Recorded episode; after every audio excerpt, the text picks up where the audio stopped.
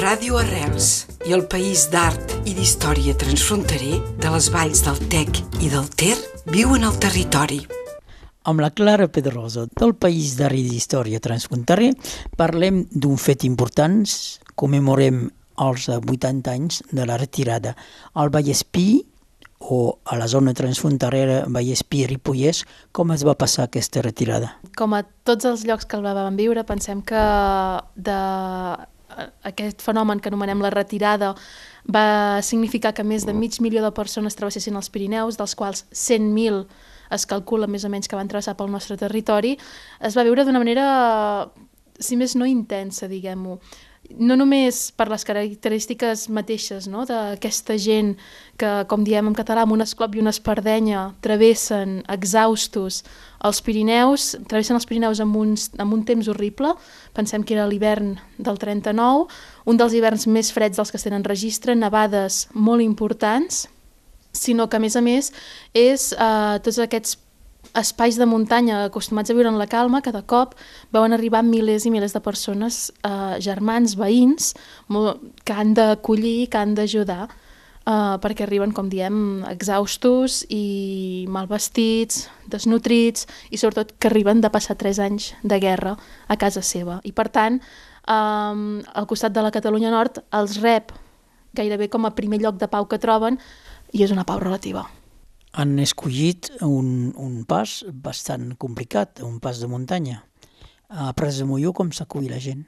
No és un pas complicat, si no és per les condicions climatològiques. De fet, és un dels passos més simples o relativament menys difícils, uh, si no és que trobes les condicions meteorològiques, sobretot de neu i de fred, que es van trobar ells.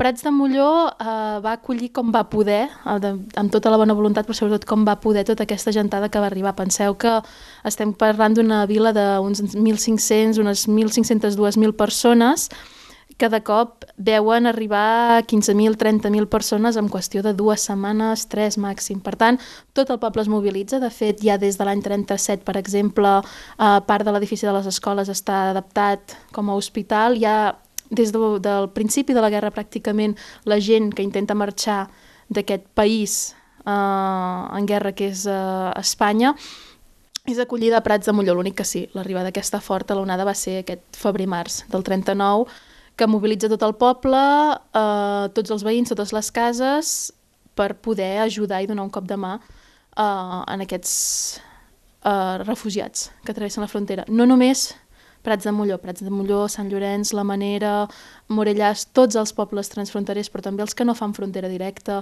Arles del Tec, el Boló, són tots pobles que acullen i que reben i que en un primer moment s'organitzen a nivell municipal, però que de seguida, bueno, no de seguida no, però després d'aquesta aquest, organització municipal hi ha un moment en què l'estat francès, veient la dimensió gairebé us diria que exorbitada de gent que arriba i del problema que representa eh, és l'Estat qui se'n fa càrrec.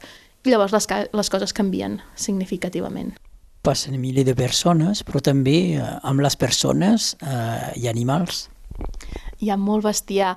Um, és bastant sorprenent perquè els cotxes i uh, els, els, eh, els vehicles de tracció mecànica s'han de quedar a Coll d'Ares, estem parlant en aquest cas de la frontera de Coll d'Ares, perquè la carretera en el costat actualment francès entre Coll d'Ares i Prats de Molló hi havia un tros que era només un camí per fer a peu, un camí de burros.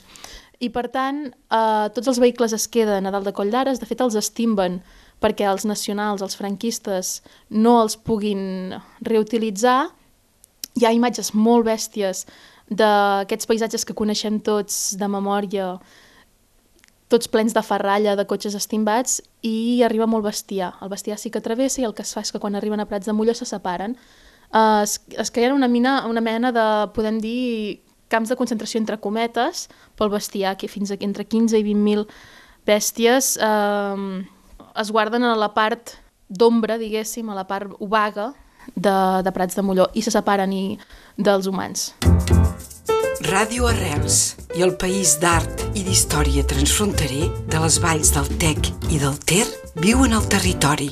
A Prats de Molló, a Arles o a d'altres llocs hi ha camps d'acollida? Bueno, hi ha diferents tipus de camps. Hi ha primer aquests camps d'acollida, sobretot són aquests que organitzen eh, els propis vilatans. És, per exemple, una història molt bonica, la de Sant Llorenç de Cerdans, en què els treballadors de les fàbriques teixeixen teles per poder fer les tendes que han d'acollir aquesta gent.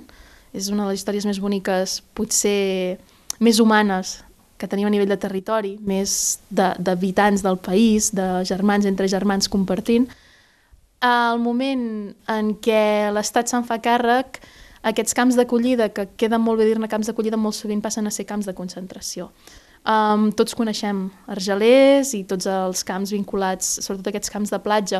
Uh, els camps d'acollida són aquesta primera arribada, Prats de Molló, per exemple, n'és un exemple, Sant Llorenç de Cerdans n'és un altre, i després hi ha camps de triatge en què uh, separen generalment els vells es porten la majoria al Boló, uh, nens i dones es baixen fins a Arles, i després tots es dirigeixen cap a aquests camps que en diem els camps de concentració, ja encara que se'n diguin camps d'acollida, són camps de concentració de la platja, el més mític que és aquest d'Argelers. Hi ha visites d'autoritats franceses que finalment arriben fins a Prats. Sí que és cert que aquest, moment, aquest punt d'inflexió en què les autoritats franceses eh, prenen per les regnes aquest problema, perquè no deixa de ser al capdall un problema. Penseu que poblacions de pocs habitants es veuen triplicades i multiplicades per molt eh, en nombre d'habitants i és difícil de fer front a totes les necessitats d'aquesta gent.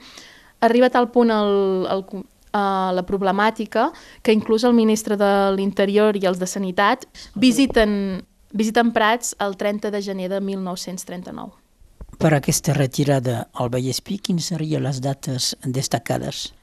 N'hi ha moltes. Per la, pensant ja en el nostre en el territori del País d'Art i d'Història, hi ha l'últim període del govern espanyol que s'instal·la en una casa del passeig Maristany de Camprodon.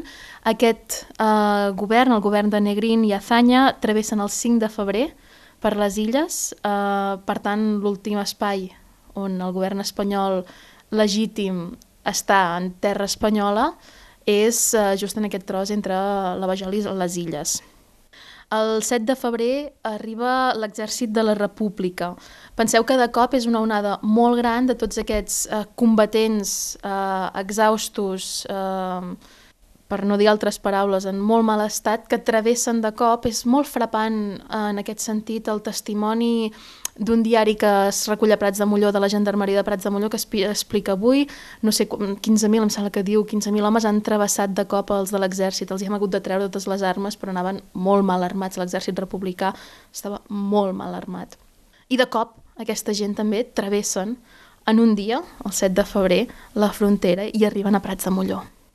Altres dies, eh, segurament el més trist o el més frapant és el dia 13 en què oficialment les tropes de Franco arriben a la frontera i es troben cara a cara amb la gendarmeria francesa, no passen més enllà. Eh, aquest és el dia de la desfeta final d'aquest territori. El 16 de març, pocs dies, des, bueno, mes pràcticament després, el 16 de març, arriba de París eh, l'ordre de tancar els camps d'acollida, aquests primers camps que s'havien muntat en els pobles. Eh, la gent és començada, s'evacuen tots aquests refugiats, com hem dit, als camps de més cap al sud, sobretot en aquests camps que s'estan improvisant pràcticament a la plana del Rosselló. I el 24 de març, eh, per tant, pocs dies després, ja no queden refugiats a Prats de Molló com ho hem dit, aquests refugiats arriben cansats. Alguns eh, hi deixen la vida a Prats, concretament? Deixar-hi la vida n'hi deixen la vida molts més dels que en tenim constància. A Prats es tenen constància de 36 persones que estan enterrades en una mena de fossa comuna que va ser, de fet, eh, la monumentalització de l'espai va ser promogut, entre d'altres, per Pau Casals. Però sí que és veritat que les vides que es perden pel camí són incontables, són innombroses. Penseu que la majoria són dones, nens i gent molt gran, molt mal vestits, molt mal preparats, que surten de 3 anys, que fugen de 3 anys d'una guerra molt dura, molta gent, no només de la Catalunya Sud, sinó de tota Espanya, mm, molt mal equipats, i mai tindrem segurament el registre de tota la gent que, que va arribar a perdre la vida i que va costar aquesta guerra. Clara Pedrosa, el País d'Art i d'Història Transfronterer, com s'implica en aquesta commemoració? Doncs per aquest any, eh, donat que ja es feien moltes celebracions i molts actes, el que hem decidit és fer un, dues, iniciar un projecte eh, que parli dels infants del 39. No només dels infants que viuen la retirada o que són producte o que eh, són conseqüència d'aquesta retirada. M'estic parlant doncs, dels nens que viuen la retirada ja sigui des de les cases de pagès que veuen arribar la gent, ja sigui nens que travessen, sinó que em refereixo també als fills d'aquesta retirada. Nens nascuts al costat de la Catalunya Nord que són de pares de la Catalunya Sud, um, moltes d'aquestes històries que el, de, que el nostre territori n'és ple. Es farà una recollida de memòria i dic infants del 39 perquè no oblidem que l'any 39, a finals d'any, es declara la Segona Guerra Mundial. Cap al costat de la Catalunya Nord, al formar part ja en aquell moment de l'estat francès, també és un moment crucial i clau de la història. Per tant, és un any, és un any important, el 39, que marca profundament la vida i els esperits de la gent de la Catalunya Nord, del Vallespí en aquest cas, òbviament també del Ripollès, de la Catalunya Sud, uh, i per tant el que farem és això, farem una recollida de memòria de les memòries, de les històries vinculades a aquests infants del 39, que culminaran en la sortida d'un llibret explicant aquestes històries, segurament ja de cares al 2020. Volem agafar tot l'any 2019 per reflexionar i per conèixer aquestes històries i explicar-les un cop tinguem passat ja l'ebullició de celebracions i de commemoracions que es fan aquest any. Clara Pedrosa, moltes gràcies. Moltes gràcies a vosaltres. Ràdio Arrels i el País d'Art i d'Història Transfronterer de les valls del Tec i del Ter viuen al territori